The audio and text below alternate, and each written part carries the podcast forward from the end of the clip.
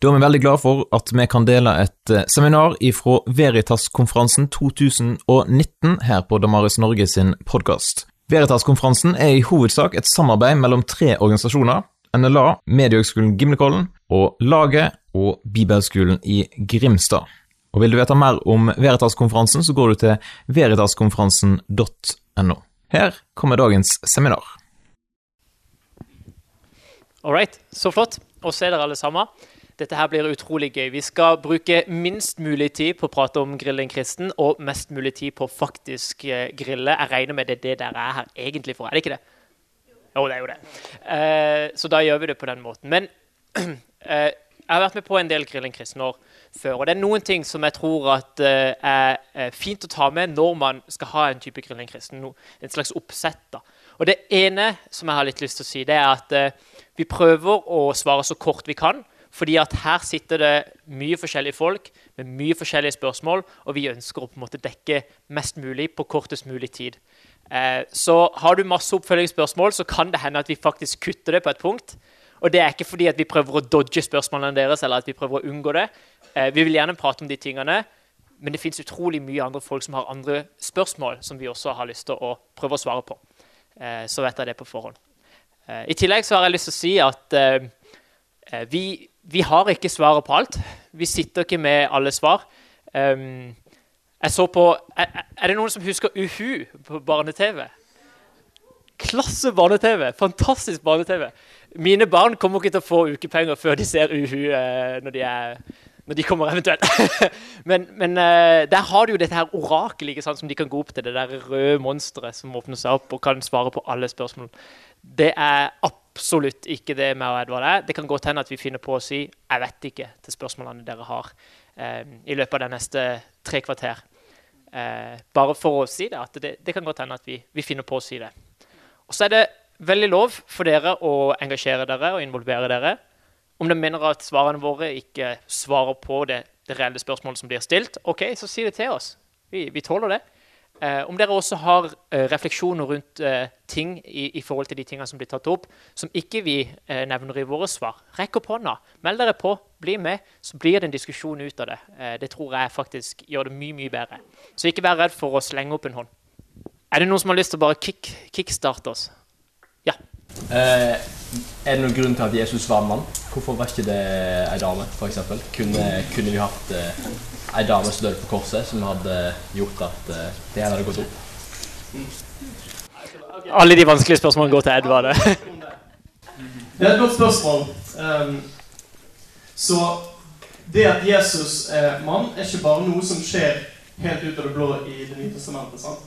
Vi, vi, skal se, I talen på morgenmøtet i dag så hadde jo Stefan Gustavsson eh, mange punkter der vi får mer og mer spesifikk kunnskap om hvem den som skal komme, er. Og etter hvert så får vi jo vite at dette her er Davids sønn, ikke Davids datter, f.eks.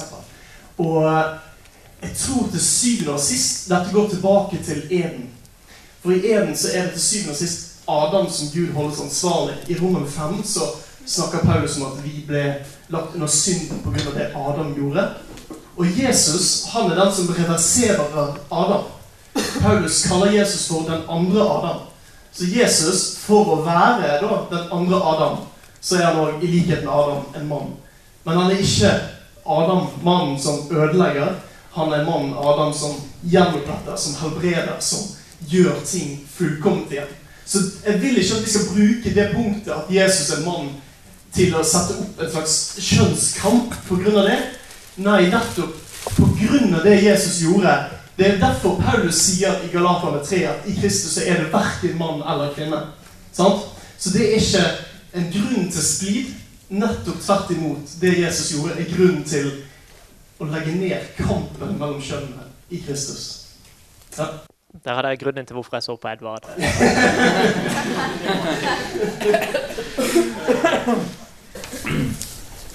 yes, Høyre flanke. Hvorfor helbreder kun Gud som sykdommer som man kan se fysisk? og helbrede fram folk som er amputert eller har mistet kroppsdeler? Godt spørsmål. Så spørsmålet er hvorfor Gud helbreder kun ting som man ikke kan se, mens eh, han ikke helbreder veldig synlige ting, som f.eks. amputasjoner og sånt. Um, for det første så har jeg lyst til å si at jeg tror faktisk Gud helbreder også de type tingene. Og at man faktisk kan um, etters ettersøke det. Og, og, og det, det, er gjort mange grundige undersøkelser på folk som har hatt eh, ganske alvorlige sykdommer, som er, er bekrefta med legeattester, og som etter bønn, da, etter forbund, har blitt eh, markert som friske. Om, om, dere har lyst til å lese opp noe eh, på det, så er kanskje det mest grundige verket er eh, et verk som eh, heter 'Miracles'. Det er to eh, ikke, ikke, bøker, men to verk, to bind, som er 1000 sider hver. Så det er 2000 sider med sånne eh, eksempler da, på folk som har vært syke med ganske tydelige, synlige sykdommer, og som har blitt erklært friske i etterkant. Det er en som heter Craig Keener en teolog som har skrevet dette, um, som er det mest grundige. Så finner du mye av sånne type vitnebeskrivelser som ikke er til å stole på i det hele tatt, men det er nok noe av det mer, mer grundige og mer tillitsvekkende forskningen du gjør på det. Eh, spørsmålet om hvordan, hvorfor Gud eh, helbreder noen og ikke noen andre, veldig vanskelig å svare på. Eh, der, der, er vår kunnskap begrensa. Det vi vet, det er at Gud ønsker å helbrede alle sammen, og han kommer til å gjøre det på en dag i, i fremtida. Uh, har vi fri vilje i himmelen?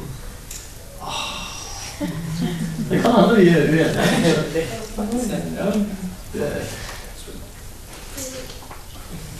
Er det noe som ligger bak det spørsmålet med tanke på om, om Gud Eller hvis jeg sier ja, er innvendingen da hvorfor skapte ikke Gud det sånn i utgangspunktet? Ja, altså, litt det, for at, uh, ja. det er en viktig del at det finnes ondskap. Når du får det litt, ja fins ondskap i dag, så hva er bakgrunnen? Er det en dimensjon til vekk, eller Uh, men, men, det er et godt spørsmål. Det er et spørsmål som har dukka opp noen, uh, uh, ved noen tilfeller. Og, og det er en pågående ganske hva skal man si, krass dialog blant teologer på dette temaet, og filosofer. så dette er et vanskelig spørsmål. Dette er et dypt vanskelig spørsmål, som jeg syns også er vanskelig. Men så er det noen ting som, har, i alle fall, jeg, som jeg har lest, som jeg syns har vært nyttige. da i møte med dette spørsmålet. Eh, det første eh, vil være at vi vet at frivillig alltid står til en form. Eh, F.eks. min fysiske eh, kropp eh, er jo eh, på en måte en del er jo det som på en måte den frivilligen er bundet til. Da. Jeg kan ikke velge å stå på Bahamas. Jeg kan ikke velge å løpe fortere enn Usain Bolt, fordi det er den formen min frivillige står til. Og det handler også om kognitive kapasiteter. Jeg kan ikke velge å eh, sitere hele Markusevangeliet, fordi at jeg har ikke den kognitive eh, muligheten til å gjøre det. Eh, og da er det noen som vil si ok, den frivillige den står til en annen form når vi har et herlighetslegeme, når vi har et nytt legeme, og dermed vil se annerledes ut når vi er i himmelen. Det, det er det ene punktet. Det andre punktet eh, er at vi tror at fristeren, eh, som lever i verden i dag, ikke kommer til å leve i himmelen. Eh, og at dermed så er det også en forandring i måte, tilværelsen. Da, at, at, vi blir ikke frista på lik linje som vi blir her i verden. Um, så det er kanskje to ting som har hjulpet meg litt til å navigere meg litt fram i, i, dette spørsmålet. Det er at vi vet at vår frivillige det står til vår form, vår fysiske form og også våre mentale kapasiteter. Og den vil være annerledes når vi har et herlighetslegeme, i tillegg til at fristeren er borte. Jeg uh, tror jeg er ganske enig. Uh, Sitter vi også? Ja, helt herlig. Fordi jeg tror det som er litt vesentlig, er at uh, i den tilstanden vi er i nå, så er vi i en tilstand preget av synd. Og synden kommer av at det er noe i oss som gjør at vi får lyst til å bruke vår vilje til å gjøre ting som er imot uh, Gud. Når, når, Jesus kommer tilbake, så skal han reise oss opp fra de døde, og vi skal få herlighetslegemer som vil innebære at det som er i oss, som gjør at vi får lyst til å bruke vår frie vilje til å synde, det vil gå bort. da. Det er i hvert fall mitt syn på det, at det er på den måten Gud vil gjenopprette oss, og, og som konsekvens av det så vil, vil vår, vårt legeme bli herliggjort, sånn at syndige lyster, ønsker om å gå imot Gud, de vil være borte. Og dermed vil ikke det være noe vi kommer til å kjenne noen dragning mot. da i evighetstilstanden. Det, det er blitt gjort veldig mye interessant, eh, blitt skrevet mye interessant. Um, jeg syns William Lane Craig har en interessant podkast på akkurat dette, hvor han tar det opp i to deler med spørsmål om frivillig i himmelen. Så om det er noen som vil liksom gå litt dypere i det, sjekk ut William Lane Craig sine podkaster på det. Yes. Det er jo det er sånn at uh, det er noen bibeltekster som ble skrevet på samme tid som, eller rundt samme tid som alle de andre tekstene, men ikke ble tatt med i Bibelen. Og uh, er det sånn da at de tekstene som kanskje ikke er Bibelen, er nødvendigvis feil? Hvis det står kanskje noe annet? Uh, er det troverdig? Ja. Så Det fins en del tekster både i Det nye og Det gamle testamentet som er skrevet noenlunde i samme tidsepoke som de tekstene vi har kanonisert, som er tillagt Bibelen. Og Da er spørsmålet om de kan fortelle oss noe som er sant om Jesus og om Gud. Eh, og eh, For å ta Det gamle testamentet først, da, så er det, eh, er det syv ekstra bøker den katolske kirka har. Ja? Syv, åtte, ni? Du tror kanoniske bøkene, ja. Jeg tror det er syv. Eh, Makabé-bøkene, Sirak eh, osv. Eh, og det som er det tradisjonelle synet på det, da, eh, det er at de ikke er eh, inspirert av Gud. Det er ikke Guds ord, men de kan være nyttige. Det er iallfall Luthers eh, måte å tenke på dem. Eh, de er aldri sitert av Jesus. De er aldri sitert i Det nye testamentet, og det ser vi at de fleste andre bøker som er kanonisert, er, og at dermed så har Jesus gitt dem en slags autoritet gjennom å sitere dem. Mens de bøkene som ikke er med i vår bibelen fra Det gamle testamentet, de er ikke sitert i Det nye testamentet, og dermed ikke gitt en autoritet av Jesus. Eh, litt sånn som Stefan prata om i, i dag morges. Eh, I Det nye testamentet derimot, så har du også en del eh, evangelier som er skrevet noe senere. Thomas evangeliet, Philip evangeliet, Maria Magdalena evangeliet. En rekke sånne tekster. Og De er ikke kanonisert eh, og blir regnet som gnostiske av ulike grunner. Det fantes ganske strenge krav for å bli med i Bibelen for bøker. Eh, og Det ene var jo at det var i bruk i menighetene. Det andre handler om at de var apostoliske, at de var skrevet av folk som var vitne til Jesus, eller folk i umiddelbar nærhet til personer som var vitner til Jesus. Um, og det siste handler vel om tid, var det ikke det? Nærhet til hendelsen. Nærhet til hendelsen, ja. Stemmer. Uh, mens de eh, tekstene som er skrevet etter Jesus, som ikke er kanonisert, som ikke er lagt inn i Bibelen, de oppfyller ikke disse kravene. Det handler om lære også. Stemmer. Ja, det er i tråd med ja. apostolisk lære. Så disse tekstene de er skrevet på 100-tallet, på 200-tallet, på 300-tallet av folk som ikke hadde direkte kontakt til Jesus, eller folk som eh, hadde direkte kontakt til Jesus. Eh, så Thomas-evangeliet er ikke skrevet av Thomas Tvileren. Eh, den er skrevet av en helt annen som har tilegna det til Thomas. Eh, I tillegg så ser man at læren er noe helt annet enn det Jesus hadde kommet med. Eh, disse tekstene har en utprega gnostisisme i seg som er en slags mystikklære, som Jesus absolutt ikke kom med. Så det er et avvik i læren også. I tillegg så har de skrevet mye lenger etter hendelsene. Så de blir ikke regna som troverdige kilder. Og det er egentlig ganske gode grunner til at vi, vi, ikke har lagt de inn i vår bibel. Så jeg vil si at de forteller oss nok ikke så mye om hva som er sant om Jesus. Jeg ville ikke ha eh, latt det være en autoritet. Mens de bøkene som er i den katolske bibelen, de kan fortelle oss mye nyttig. Men eh, jeg vil ikke ha sett på de som inspirert. Det ble et langt svar, men det er litt, litt uh, grundig Altså det er litt, uh, litt mye opplegg. Ja. De tingene du nevnte, da, tror jeg er ganske viktig å huske på med tanke på alle, alle sånne kanonspørsmål. Og det mener jeg alle spørsmål som har å gjøre med hvilke bøker skal egentlig høre med til de vi regner som autoritative. da. Og da er det særlig med, i Nytestamentet de punktene du nevnte nå. Det er eh, bruk i menighet startet av en apostel, tråd med apostolisk lære og til, at Skriftet har en tilknytning til en av apostlene. Det trenger ikke være skrevet av en apostel sjøl, selv om flere av dokumentene i Nytestamentet er det. Eh, men, men, at det har en tydelig tilknytning til en godkjent apostel. Og Det henger sammen med at Jesus har anerkjent apostlene som sine autoritative lærere. ikke sant? Så, så der kan du spore autoriteten igjen fra apostlene tilbake til Jesus. Og så kan vi argumentere for at Jesus har stått opp, og derfor har vi god grunn til å stole på det han sa. Og så bare sånn siste final remark. Eh, det er veldig interessant å lese evangeliene og sette de opp mot de gnostiske evangeliene som ikke er tillagt i Bibelen. Eh, et eksempel da, er jo at evangeliene vi har i Bibelen, de er stappfulle av um, detaljer om tid, sted, uh, ledere, skikker osv. osv. Eh, navn blir alltid brukt. Eh, mens leser man de gnostiske evangeliene, som er skrevet 100-200 år etterpå, de er, altså de er, kjemisk fritt for sånne type detaljer om landshøvdinger, navn osv. De nevner kanskje Peter litt, og de nevner kanskje Jerusalem. Men det er, det er Det er det lengste de går, da. Eh, så det er en sånn utrolig ekstrem skilnad mellom de på akkurat det punktet. Um, og detaljer er jo selvfølgelig et, et veldig godt tegn for autentisiteten. Skal vi gå videre på nytt tema? Noen som har noe nytt? Yes? Så vi skal ha kvinnedagen hellige. Vil det si at du vil ha støttet og bli særskilt glad jobb som leger og redder liv? Nei.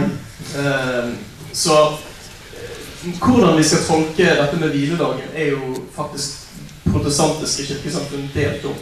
De reformerte kirkene tenker at søndagen skal man holde en slags sabbat der dagen er dedikert til eh, gudstjeneste. Og man har gjerne eh, to gudstjenester, en på formiddagen og en på ettermiddagen. Har man måltid imellom og veldig mye fokus på det. Men til og med der så har de i sine læreskrifter og unntak for sånne typer yrker. Men så har du òg andre kirkesamfunn, eh, protestantiske kirkesamfunn som tenker at sabbaten er til syvende og sist oppfylt i Jesus på en sånn måte at vår hvile er i Han. Og derfor er ikke sabbatsbudet relevant på samme måte som det ville vært for en jøde i det første århundret, f.eks. Eh, og dermed, dermed, er du fri til å jobbe eh, hvilken som helst dag, da, av implikasjon av det. Ja. I forlengelsen av det så har du vel faktisk også en del um, beretninger i evangeliene hvor Jesus gjør godt på sabbaten. Og fariseeren spør han skal du ikke hvile på sabbaten, og så sier Jesus er det ulovlig å gjøre godt på sabbaten. Eh, retorisk spørsmål. Nei, det er ikke ulovlig å gjøre godt på sabbaten. Eh, men eh, godt spørsmål. Takk for spørsmålet. Veldig bra. Har dere gode argument for hvorfor skapelsesfortellinga er mer relevant enn Darwins utviklingslære? Mer relevant? Hva mener du med det? Eh, at den er mer troverdig? Ok, da, da antar du ja, vi, vi, vi må gjenta spørsmålet. Vi må gjenta spørsmålet. Å oh, ja, sånn Så spørsmålet er har vi argumenter for å mene at skapelsesberetningen i Bibelen er mer relevant enn Darwins utviklingslære? Er det spørsmålet? Ja, kanskje litt mer at uh, hvorfor det er mer, ja, mer troverdig. Mer troverdig. Ok, da vil jeg stille et oppfølgingsspørsmål. Og, for det går på at det høres ut som du antar at det er en motsetning mellom uh, utviklingslæren og det du leser i Det gamle testamentet, skapelsesberetningen. De er i konflikt. Er det synet ditt? Nei. Ikke det?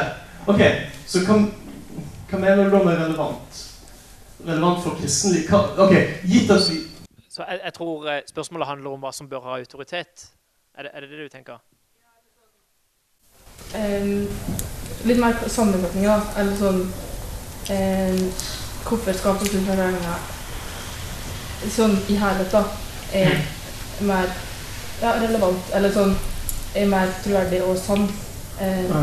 enn hvis en ser kun på dårlig utvikling. Så er det hva det er som mangler. eller sånn. Ok. Ja, det var bare, Vi snakket litt om det, sant? Og, og det, det, var litt sånn Hvordan skal vi forklare det til noen som tror på utviklingshistorien? da? Mm. Hvordan skal vi forklare hvordan vi, hvorfor vi tror da at skapelseshistorien er det riktige? riktig. Ja. Så første Mosebok kapittel 1 med de seks dagene Gud skaper for oss og deler på den syvende, tolkes jo ulikt av ulike kristne. Eh, jeg tror vi begge er delt i en, er enig i en overbevisning om at disse syv dagene er ikke nødvendigvis ment til å være en bokstavelig menneskelig uke. Eh, det er mange argumenter for det, bl.a. at eh, de dagene er ordnet i et veldig tydelig mønster, og at de, det ser ut til å være et slags opphøyet poetisk språk som brukes, som kanskje antyder at det ikke er ment til å tolkes bokstavelig. Og derfor så tror ikke jeg at det er en motsetning der til uh, en sånn tradisjonell evolusjonslære. Uh, men det teksten gir oss derimot, og det som gjør den relevant for i dag, er at uh, den snakker f.eks. om at mennesket er skapt i Guds bilde. Hvis vi bare er et rent produkt av ustyrt, upersonlig evolusjon som ikke har eh, noen hensikt bak seg, så er det vanskelig å argumentere for objektive moralske verdier, f.eks. Men hvis vi er skapt med en hensikt, med en verdi, med en Gud som har eh, en vilje for oss, så følger det moralske implikasjoner av det. Ting vi bør gjøre, ting vi ikke bør gjøre. Så relevansen av den teksten er fortsatt massiv, selv om det ikke er ment til å tolkes som en bokstavelig historiefortelling. sånn som jeg ser det. Og Relevansen er særlig i det at mennesket er skapt i Guds bilde, og at de derfor har en unik moralsk status. Så, så dette spørsmålet er noe som uh, ulike kristne har forskjellig syn på. Og, og det er helt greit. Det, det, er lov til å ha forskjellig syn. I, i trosbekjennelsene vi har, så eh, står det ikke om et, et, spesifikt syn på første Mosebok, på hvordan Gud har skapt. Det er kun at Gud har skapt, som er det vesentlige punktet i trosbekjennelsene som vi eh, tror på. men men uansett så kan man se på, det, på, teksten på ulike måter. Og vi står nok ganske likt i det spørsmålet, hvor vi tenker at eh, eh, Første Mosebok, skapelsesberetningene der, bør tolkes eh, på en måte som åpner opp for at utviklingslæren kan være sann. Og det biologiske eh, og eh, masse forskjellige typer fagfelt, både biologi og paleontologi osv., eh, mener vi har overbevisende argumenter for at utviklingslæren er sann.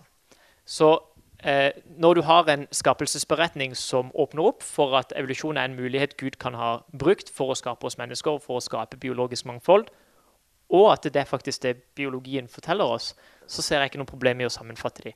Eh, men vårt syn litt på første Mosebok, da, skapelse Eller nå, nå sier jeg vårt. Eh, mitt, mitt, syn. Eh, det er at eh, dette er tekster vi må virkelig ta på alvor. Vi vil ikke ta lett på disse bibeltekstene. Og de forteller oss utrolig mye sant, men de forteller oss ikke utrolig mye om hva som er sant i naturfagen, ettersom at det ikke er en naturfagsbok. Um, og jeg vil jo si at um, naturfagen den forteller oss mye om hvordan vi er blitt til, men ikke så mye om hvorfor vi, er blitt til. Det finner du aldri i, i, eh, i sånn reagensrør ikke sant, om hvorfor vi er blitt til. Men det finner man i Bibelen. Uh, jeg vil jo heller, mye, mye, heller vite hvorfor vi er blitt til, enn hvordan vi er blitt til. Og de svarene finner du i Bibelen. Så jeg pleier å oppsummere det med å si at um, naturvitenskapen svarer på spørsmål Bibelen ikke stiller, og Bibelen svarer på spørsmål som naturvitenskapen ikke stiller. Det er to forskjellige kategorier som kan fortelle oss noe om hva som er sant om å være eh, et menneske på den jordkloden. Eh, og så er jeg veldig takknemlig for at Gud har fortalt oss noe om hvorfor vi er her. Vi er skapt med en hensikt, vi er skapt i hans bilde, og han ønsker relasjon med oss. Syns du det var oppklarende? Så fins det ulike syn. Det, det, er verdt å si, som, som, ønsker å ta Bibelen på alvor. Ja. Eva.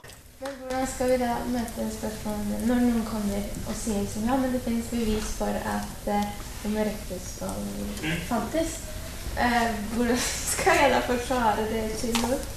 Det du kan si, det er at du kan si at uh, for noen måneder siden så hadde jeg bursdag, og jeg bakte en kake til den bursdagen. Og at uh, denne kaka kan du forklare på to ulike måter. Du kan forklare det med at det har skjedd en prosess. Du har blanda sammen uh, melk, mel, eh, egg, sjokoladepulver og rørte sammen. Satt i en deig, lagt i en form, satt inn i ovnen på Hvor mange grader blir det? 225 grader? ok. Og så har det til syvende og sist blitt en kake etter en prosess. Men det er du som har bakt kaka. Det er den andre forklaringa. Og disse forklaringene utelukker ikke hverandre. Det er ingen som vil si at oh, det har vært en prosess og det har vært ingredienser, og derfor kan det ikke være en person bak kaka. Og det er heller ingen som vil si at oh, det er en person bak kaka, dermed så kan det umulig ha vært en prosess. På samme måte, Det at vi mennesker er blitt til sånn som vi er i dag, det kan ha skjedd gjennom en prosess uten at det utelukker at det er en skapergud bak denne prosessen. Og det at det finnes en skapergud, utelukker ikke at han kan ha brukt en prosess for å skape oss.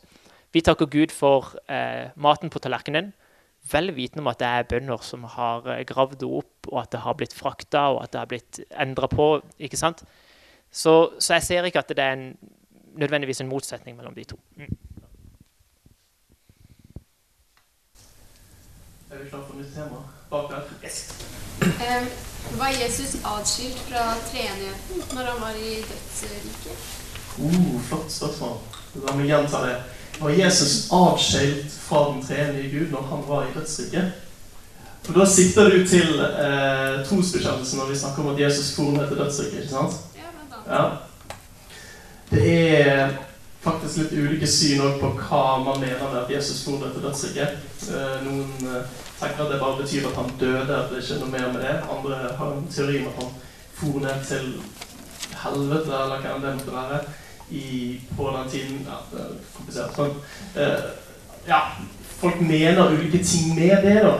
Og så sikter du kanskje til eh, når Jesus henger på korset og han sier 'Min Gud, min Gud, hvorfor har du forlatt meg?' Ikke sant? Men så er spørsmålet ditt betyr det at Jesus ikke lenger var, var eh, sønnen i treenigheten. Og jeg tror eh, mitt svar på det er nei, det betyr ikke det. Men at Jesus likevel erfarte hele den avvisningen fra Gud på korset på en sånn måte at det var den avvisningen vi skulle hatt.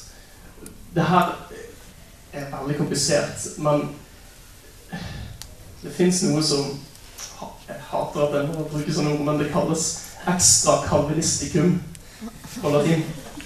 Som går på at det er en bestemt måte å forstå hvordan Jesus kan være både Gud og menneske på. Eh, som går på at eh, noe kan være sant om den menneskelige naturen til Jesus, men ikke nødvendigvis sant om den guddommelige naturen til Jesus. Men at det likevel, uansett hvilken natur det er snakk om, så er det fortsatt sant om personen Jesus. Litt komplisert. Men jeg vil si Jeg tror mitt svar på det ville vært at Jesus i sin menneskelige natur var atskilt fra hans far. Jesus sin guddommelige natur er fortsatt sønnen i treenigheten. Og dermed er begge de to tingene sant om personen Jesus i det han blir forlatt på korset. Jepp. Skal eh, skal vi ta en som ikke har stilt, og så kan vi Yes. Får vi litt variasjon. Sindre? Jeg snakket litt med damen i stad. Det, det er et sånt spørsmål som går på. da. Eh, Med, det er det med vranglære og sånn, da. Med at eh, liksom folk som uh, har lært uh, liksom, Hvis man kommer til, til tanken først, det er for sånn forsvar og sånn, da. Som har uh, tenkt at, at de gjør noe i, i Guds navn, men som egentlig er, egentlig er feil. Men jeg tror liksom de gjør det i Guds navn. Om Gud måte dømmer etter handlingene, eller om han dømmer etter hjertet. Om de f.eks. Hvis trodde han gjorde noe i Guds navn, han ville kommet til himmelen, da. Så eh, spørsmålet er dømmer Gud etter handlingene våre eller etter hjertet vårt. Er det riktig? Ja, sånn som hvis jeg tror jeg gjør noe eh, Gjør noe etter Guds eh, lære, da. Ja. Men, eh, det, det er egentlig ikke det, men jeg gjør det. At, at folk har gjort noe i god tro. Dømmer Gud etter inten- intensjonene bak handlingen eller selve handlingen? Du brenner det med noe. Nei, altså Som, som jeg leser eh, Bibelen, så, så handler det også om intensjonene eh, som menneskene har i handlingene sine. Og så vet vi at, at uh, uavhengig om Gud dømmer etter handlingene, eller om Gud dømmer eh, etter intensjonene, så, så består faktumet at vi fremdeles er skyldige framfor Gud. Det er hele poenget med, med det første delen av romerbrevet, er å illustrere at først og fremst så er jøder skyldige framfor Gud, og så er alle ikke-jøder skyldige fremfor Gud. Det er liksom plottet i, i romerbrevet, og at deretter så finner vi forløsning ved Jesus. Så eh, om det er om det er hensikten, motivasjonen eller handlingene selv som gjør oss atskilt fra Gud, jeg vet ikke. Jeg syns det er vanskelig å svare på akkurat det. Eh, samtidig som at faktumet består at uavhengig om Gud dømmer etter handlingene eller etter intensjonen, så, så står vi skyldig framfor Gud i desperat behov etter, for- eh, etter tilgivelse. Eh, og det fins i Jesus Kristus. Ja. Jeg tror ikke jeg kan tilføye noe. Ja. Ja, eh, hvorfor eh, valgte Satan å gå imot Gud hvis han vet at Gud er allmektig?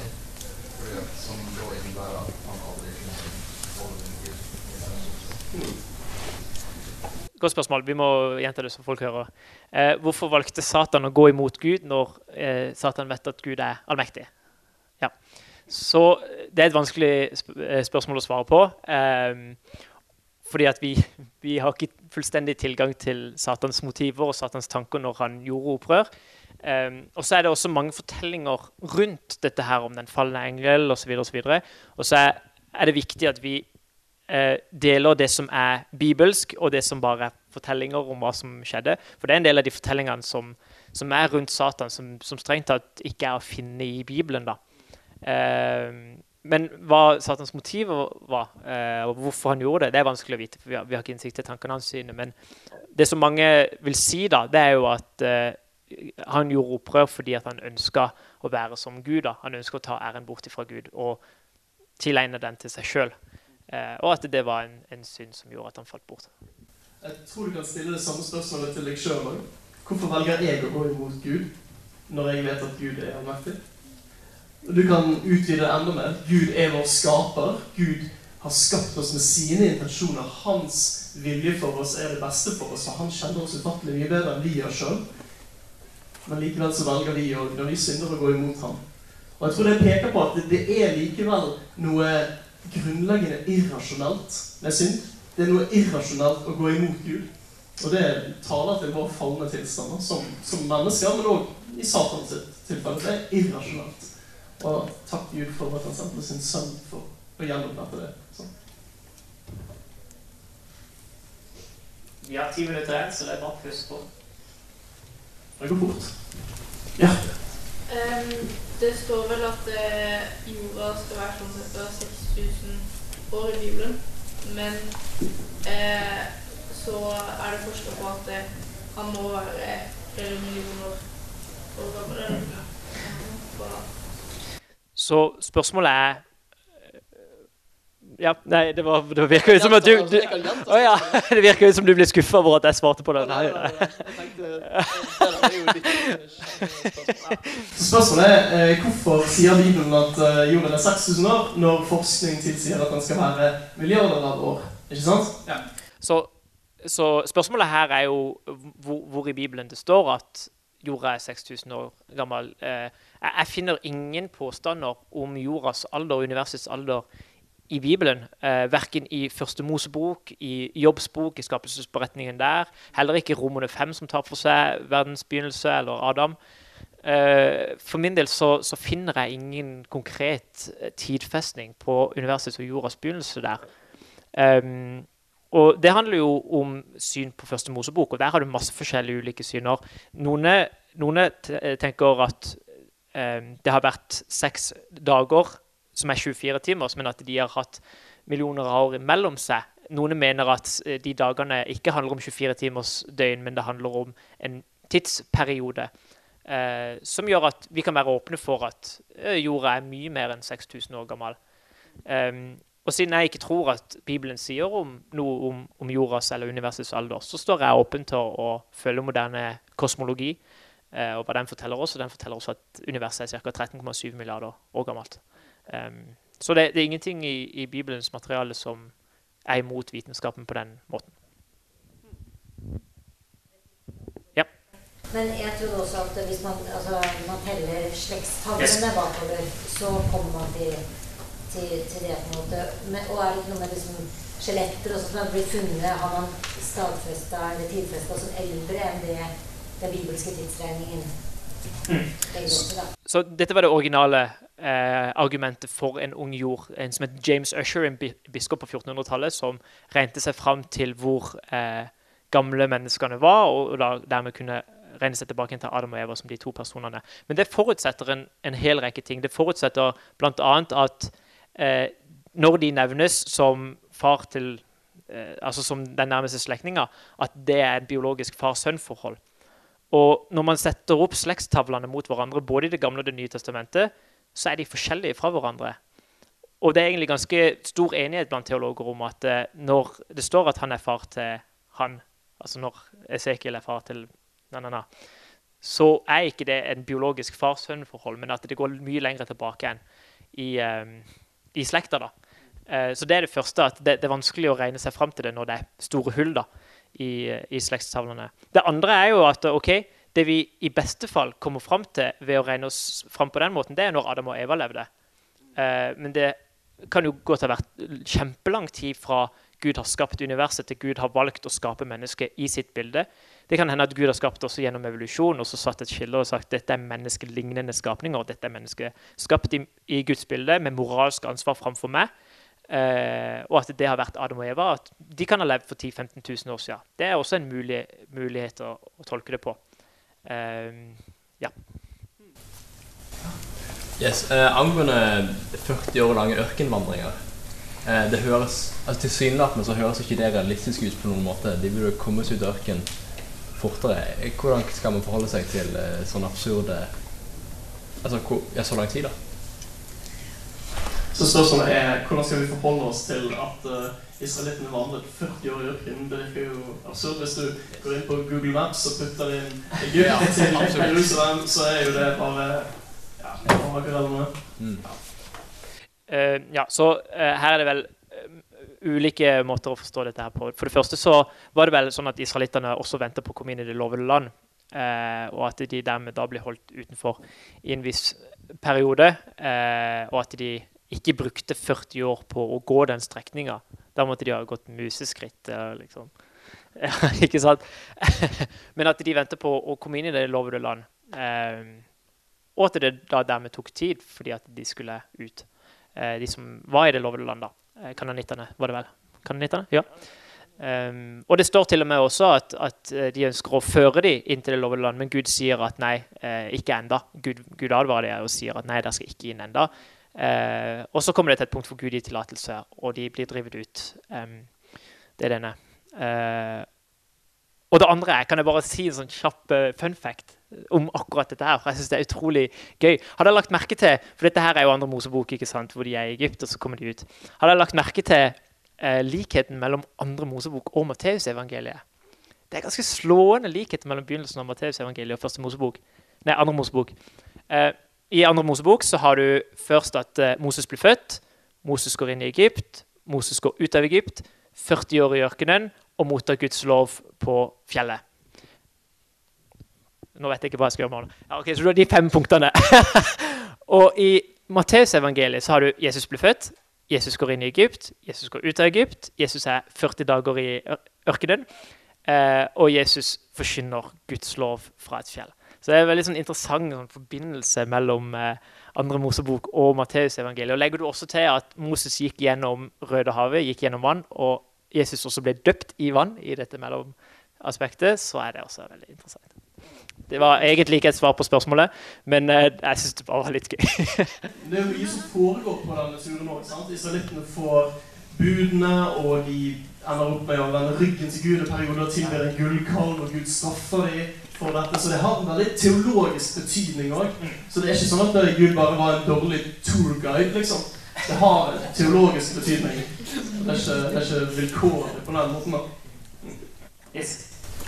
Det er kanskje litt søkt spørsmål, men uh, i andre kongebok så står det jo om Elisha som uh, var på tur langs veien, og så kom det noen unge ut, og du skal jo ikke spøke med en manns hårvekst, eh, men eh, de ropte snauskalle til ham, og da lyste han forbannelsesåret i Herrens navn, og 42 kroner ble revet i filler. Jeg Gud var litt i overkant streng. Den er jeg klar for. Jeg skrev min hovedoppgave i bibelteologi om akkurat de versene. eh, kjempegøy vers. Veldig spennende vers. Eh, nei, det var ikke sånn gøy vers, nei. Men det er liksom det, det, det er noen vers du eh, Det er noen vers du, du putter eh, i Instagram-bioen din, og det er noen vers du ikke putter i Instagram-bioen din. Jeg har litt lyst til å teste det, bare for gøy en gang. liksom. De fleste har Johannes 3, 16, etter som var med andre kongebok 2. Nei. Så eh, spørsmålet er om man kan rappe opp eh, et halvt års eh, undersøkelser i, eh, på et kort svar. Men det, det er en hel haug av aspekter og elementer i, i, i denne teksten som gjør han en del mer spiselig enn en det han er. For på, altså som utgangspunkt så ser han jo helt forferdelig grotesk ut. Men dukker man litt dypere inn i både språket og konteksten og sammenhengen han- er i, så er det en del ting som lar seg forklare. For det første, da, for å ta det første i, det, det er litt u, eh, ulike oversettelser som blir brukt om unggutter, altså om guttene. Og man kan jo lett forestille seg at dette her var barn, små uskyldige barn som, som hadde en skrøne, liksom, og så ble Gud skikkelig sint pga. det. Eh, jeg gjorde en liksom interessant eh, oppdagelse når jeg var på en sånn konferanse. og Så spurte jeg litt folk fra forskjellige steder om, om de Når de leste denne teksten da, Det var jo mens jeg studerte dette. her, eh, Når de leste denne teksten, leste de det som at det var små kids, eller leste de det som at det var altså eh, unge voksne, unge mennesker. Og Der var det faktisk en del variasjoner i svarene. at Det var noen som leste det som at de var veldig små barn, og det var noen som leste det som at nei da, dette her var folk som kunne stå til ansvar for egne handlinger. Um, og setter man eh, Så det jeg gjorde, da, det var at jeg gikk inn på hebraisken så sjekka jeg ut da, ok, hvilket ord blir brukt på hebraisk, og så kobla det opp mot alle andre ganger det blir brukt eh, i andre kongebok, for å på, på, en måte få en slags eh, referansepunkt til eh, hvilke andre personer som blir eh, nevnt som Na'ar Katan, som er det de, eller de to hebraiske ordene for det.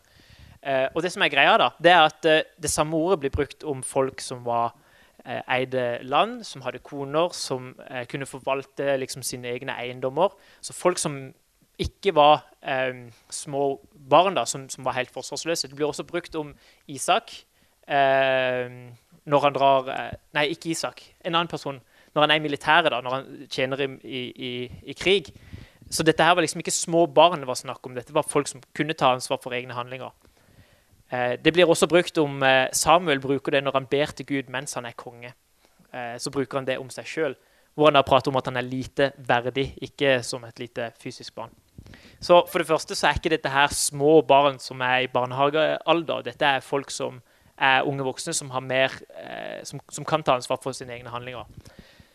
Det andre eh, som jeg har lyst til å si, det handler om fornærmelsen. For det, det høres litt ut som en eh, veldig sånn der uskyldig moro. Min far er skalla. Uh, og jeg husker at uh, meg og min søster når vi var små, så lekte vi 'Førstemann til månen'. Uh, og eh, da var liksom førstemann til månen, og så, var, hey, og så tok vi på håret sitt. Og så, det er selvfølgelig irriterende når vi har gjort det 150 ganger på en 45 minutters flytur. Men, men utover det så er det ikke mer enn irriterende. Det er det er det det er. Det er ikke noe mer hånende enn det. Men problemet er at det er en fullstendig feil analogi til denne hendelsen. For greia er her at eh, antageligvis så er faktisk Elisha snauskalt på denne tida fordi at det er en jødisk tradisjon å rake av seg håret når man sørger over noens død. Når skjer dette? Det skjer rett, etter Elias sin bortgang. Så antageligvis har Elisha, uh, Elisha rakt av seg håret fordi han sørger over Elias sin bortgang. Så den analogien som er mer treffende til denne historien, det er som å møte opp i en begravelse og le av folk som sørger. Det med å, å uh, leke førstemann til månen og mer, mer min søster gjorde da vi var barn, det er ikke en treffende analogi. Mye mer treffende analogi det er når man ler av noen i en begravelse. Det var faktisk det, det de gjorde. Det siste som jeg har lyst til å si, eh, det er det ordet 'rev i hjel'. Hva betyr det? Betyr det at de blir drept, eller betyr det at de ikke blir drept? Husk at det står at det er to binner, altså to hunnbjørner, som har eh, revet i hjel 42 barn. Er det ikke litt rart at det er to binner som har revet i hjel 42 barn, med mindre de har stilt seg i kø for å bli drept? liksom? De burde jo kunne ha løpt unna. Og i, tillegg når man ser at de eneste bjørnene som eksisterte i det området på den tida, er syriske brunbjørner, som er de minste bjørnene, en av de minste bjørnerasene som finnes, um, som veier ca. 250 kg, så gir det enda, mer, enda, mindre mening hvordan disse to bindene kunne ha drept 42 eh, ungdommer, da, med mindre de hadde stilt seg i kø for å bli drept. Det som mange forklarer det da, Noen teologer forklarer det med eh, spesielt så er det en ganske lang tysk tradisjon for å forklare det på denne måten. Og det er at de ikke ble drept, men at de blir splitta. Eh, for ordet som blir brukt om reviel, det er baka på hebraisk. Det blir brukt når Moses deler Rødehavet. Det blir brukt litt seinere i andre kongebok, når en militær eh, hær eh, blir delt, sånn at de kan gå igjennom. Så antageligvis så er det ganske mange som sier at de ble faktisk ikke drept. Dette ble bare splitta. Noen ble ført til den ene sida, andre ble ført eh, til den andre sida. Og så kunne Elisha fullføre sitt mål med å dra opp til Betel og fjerne avgudsdyrkelsen i Betel. Eh, så dette var noe Gud gjorde. Sendte bjørner for å splitte eh, disse ungdommene, sånn at Elisha kunne fullføre sin gudgitte eh, oppdrag. da. Så kort forklart, dette er ikke små kids som ikke står til ansvar for egne handlinger. Uh, dette er uh, voksne barn som, som, står til ansvar. Det var ikke en uh, hva skal man si, en, en, bare en liten skrøne. Det var noe virkelig fornærmende mot Elisha og Gud. men det er faktisk ikke sikkert at Gud dømte dem ved å drepe dem. Men bare å splitte de sånn at Elisha kunne få fullføre det Gud hadde bedt ham om å gjøre, fjerne avgudsdyrkelsen i Betel. For det var på vei til Betel var. Det ble et mye lengre svar enn jeg hadde forventa, men det er vanskelig å, å få, det, få, det, kortere.